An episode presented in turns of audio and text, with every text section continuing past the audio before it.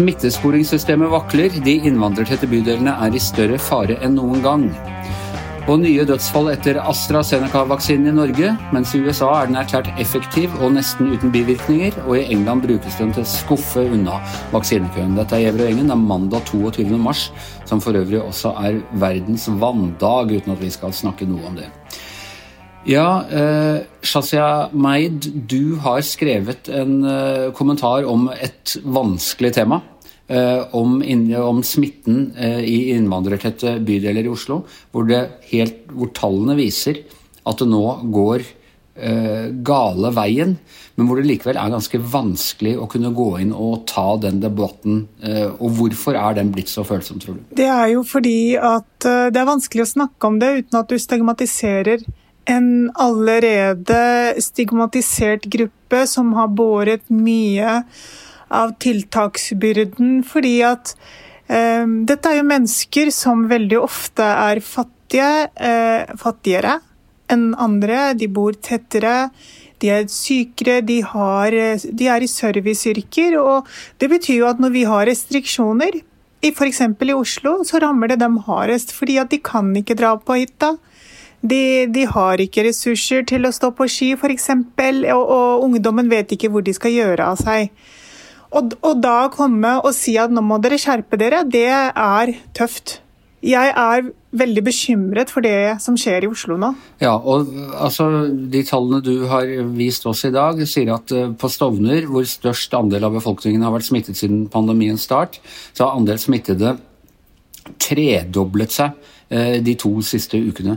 Og Hva tror du det kommer av? Altså, en ting, I begynnelsen kunne man jo forstå at vi, altså vi, man var ikke vant til en sånn situasjon. Man var usikker på hvordan man skulle uh, spre informasjon, hvordan man skulle nå fram. Men nå, et år seinere, hvordan kan dette fortsatt være et verre problem enn, det var for et år siden? Forklaringen på akkurat det er veldig enkel, og det handler om den nye mutasjonen. Den er bare mye hissigere, og den rammer barn og ungdommer. Det gjorde ikke den eh, i fjor. Så det er rett og slett en, en, en eh, britisk, Den britiske varianten er bare mye farligere. og eh, når smitten allerede i utgangspunktet var størst i disse bydelene, så er det bare veldig veldig urovekkende og nesten uunngåelig det vi nå ser skjer i f.eks. på Stovner, Alna, Grorud. Dette er jo de bydelene i Oslo hvor det er veldig mange med innvandrerbakgrunn som bor. Så det, Først og fremst så handler det om at f.eks. på Stovner så er 40% av smitten er blant barn mellom 0 og 19 år.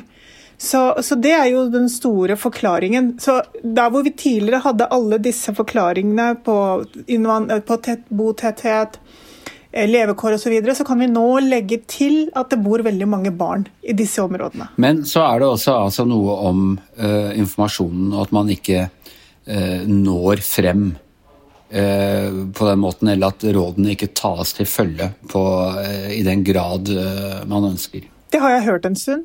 At det er enkelte familier eller enkelte grupper hvor, hvor det har vært vanskeligere å få dem til å følge rådene. Én ting er jo at man i utgangspunktet har dårlig Eller man har et dårlig utgangspunkt rent generelt, men noe annet er jo også at det er vanskelig å følge reglene. Altså at det er noen som bare ikke er flinke nok til det, og det har jeg hørt fra folk på bakken eh, som har satt, sagt det til meg på tomannshånd. Og frustrasjonen har vært stor, fordi, og, og det er jo en frustrasjon som ikke kommer av at man blir provosert eller sint, men fordi at man har omsorg for disse menneskene. Og, og det man ser, er jo at den smitten blir jo i de, disse bydelene. For sånn som Vestre Aker, en bydel på vestkanten, der har smitten faktisk gått ned i denne perioden. Det, jo, det virker som om smitten blir Og de, de rammer hverandre. Eh, det, det er vanskelig på en måte å be folk skjerpe seg enda mer. Men det er det jeg gjør, da. Det er det du gjør i den kommentaren du holder på med nå? Ja. Jeg, jeg, vil på en måte at uh, folk bare nå skal sette inn det ekstra giret. Fordi at nå har det vært alvor et helt år, men nå er det, nå er det verre enn noen gang. liksom. Det er helt, uh, helt avgjørende at uh, alle gjør jobben sin. Hanne Skartvedt, hvordan har myndighetene i Oslo gjort god nok jobb? Har vi stilt strenge nok krav til disse bydelene? Hva, hvor, hva er det liksom, hva er den politiske floken her som vi ikke har fått til? Jeg tror det er for tidlig å felle noe dom over hvem som har gjort en god jobb, hvem som har gjort en dårlig jobb. Det er, Fra begynnelsen av så har jo myndigheter, både statlige og lokale, eh, mobilisert både med ulike språk på forklaring og på råd og på hva som gjelder. Eh, man har hatt bydelsmødrene og andre frivillige rundt i bydelene som har eh, informert. Det har vært eh, veldig mange forsøk. og så er det, eh, Dette er veldig veldig sammensatt, som Shazia beskriver mye bedre enn meg. altså Det handler jo både om trangboddhet og demografi og fysiske ting, og også om, om kulturelle forhold, om uh, etterlevelse av råd, om tillit til statlige myndigheter. altså Det er enormt sammensatt. og Det vi ser nå er jo en veldig veldig delt by, som Shazia er inne på, med store forskjeller i smittetallene mellom øst og vest, som er et problem i seg sjøl. Men har dette også med å gjøre altså gamle diskusjoner om, om snillisme og jeg vet ikke hva, at man, at man, er for forsiktig? At man må gå hardere inn uh, med opplysning og eventuelt bruke eh, tvangsmidler for å hindre at denne smitten sprer seg? Da har man allerede hatt veldig, veldig sterke tiltak i Oslo. Sterkere enn noe annet sted i landet, og det gjelder jo eh, hele byen. Tvang, jeg vet ikke om man kan ha mer tvangen det var, altså Man hadde jo en åpen debatt f.eks. om portforbud. Det var jo vi veldig imot på lederplass i VG. Det er jo et enormt inngripende middel som jeg fortsatt mener ville vært veldig galt Eh, å gi lovhjemmel for det i Norge. Men kunne man si at i områder f.eks. hvor eh, hvor man ikke får kontrakt med kontroll over smitten, så kan man innføre mer den type drastiske ting? Nei, det, Jeg er skeptisk til Jeg ser jo uh, Camilla Stoltenberg og Folkehelseinstituttet er veldig opptatt av, og norske myndigheter er veldig opptatt av at tvang kan virke kontraproduktivt, at dette bygger på tillit. Men du er nødt til å få forståelse for viktigheten av å etterleve disse, disse tiltakene. Det er jo det det handler om, og hvordan det skal gjøres. I hvilken grad man på en måte må bruke den store skrua, er et spørsmål.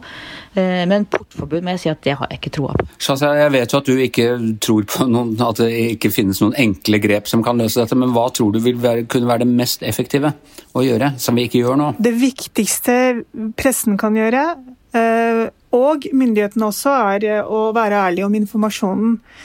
Jeg kjenner jo det pakistanske miljøet best. I det pakistanske miljøet så er det en veldig åpen diskusjon om at eh, eller man sladrer eller forteller om hverandre, og jeg, jeg, vet om det, og jeg så det, og det, det, sånne ting. Eh, så den debatten er høyst levende internt. Men allikevel så har jeg sett at man ikke kanskje vet eller forstår alvoret. Altså Antall innleggelser blant pakistanske nordmenn er så skyhøyt over alle andre.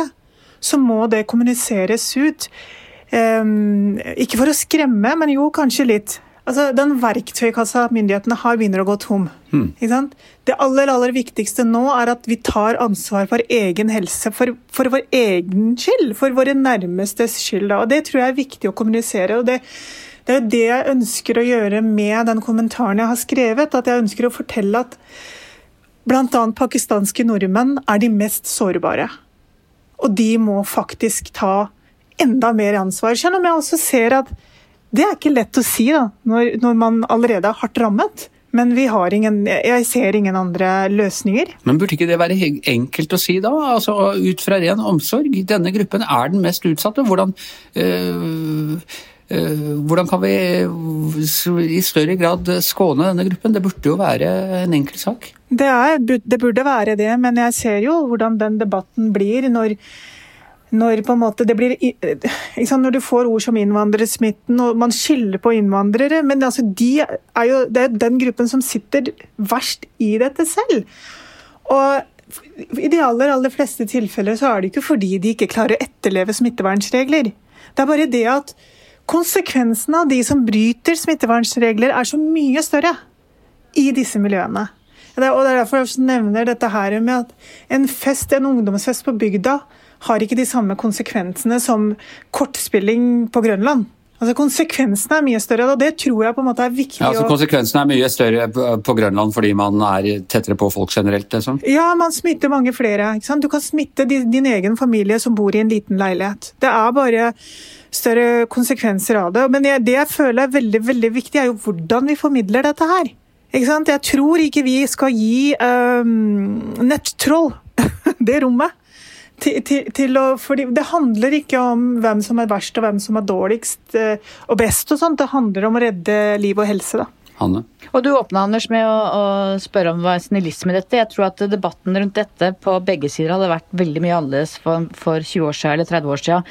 Jeg tror at vi har en mye mer åpen debatt og kan snakke mer ærlig. Og myndighetene våre har jo vært veldig gode på en åpen tone i forhold alt de har av fakta, av tvil, av usikkerhet. Man satte jo ned et ekspertutvalg blant annet, som skulle gå inn i hvorfor er smitten høyere i en del innvandrermiljøer enn andre miljøer. Man har jo tatt dette relativt eh, direkte underveis også, selv om tallene nå er veldig dårlige i en del bydeler i Oslo. Ja, Astrid Seneca, holdt jeg på å si. Astrid Mæland. Eh, flere er døde i eh, Norge etter å ha tatt eh, AstraZeneca-vaksinen. Samtidig ser du at det er den vaksinen som har gjort at de pløyer gjennom vaksinekøen i England, og undersøkelser fra USA har også erklært den 79% effektiv og uten alvorlige bivirkninger. Hva er, det, hva er spesielt med Norge, vet vi noe om det? Ja, Det er helt spesielt det er jo at uh, det kommer strømmer inn, som du sier, gode nyheter fra utlandet internasjonalt om AstraZeneca. Det er jo den som har uh, berga britene. Uh, 11 millioner, tror jeg, som har fått den, og de har knapt rapportert om alvorlige bivirkninger. Og akkurat som du sier, så har resultatene kommet inn fra den amerikanske store vaksinestudien, der det ikke har funnet noe spor etter blodpropp. Og vaksinen er jo bedre enn vi kunne ha drømt om. altså Den er svært effektiv i å forhindre sykdom. Eh, samtidig som Norge, da. Der er det jo kommet dårlige nyheter igjen i helga. Vi har jo hatt eh, seks eh, som er blitt rapportert alvorlig syk etter å ha tatt vaksinen. Og nå er tre eller fire døde. Det er jo høye tall i en befolkning der det er 130 000 som har fått vaksinen. Um, så her går nyhetene i begge retninger. Man kan jo bare spekulere på hvorfor det er så forskjellig, da. Det er litt rart. Ja, altså Er det en dårlig batch? Altså, vi, er det noe feil med den vaksinen vi har fått? Det noe, kan det ha noe med å gjøre med måten man setter det på? Hva, hva er liksom hovedteorien her? Eh, kanskje er det slik at eh, norske data er kjempegode. Vi har veldig gode register, har oversikt over hver eneste pasient i det landet her.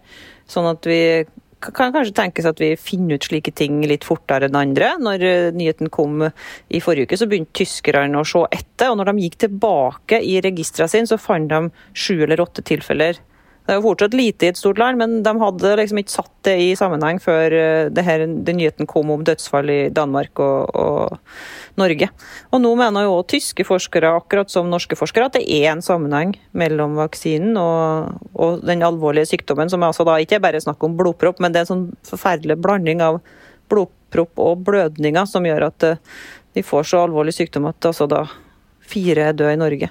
Det kan jo være slik at uh, i Norge så har vi nesten bare vaksinert unge helsepersonell med den vaksinen, mens jeg hører i hvert fall fra Storbritannia at de har vaksinert eldre.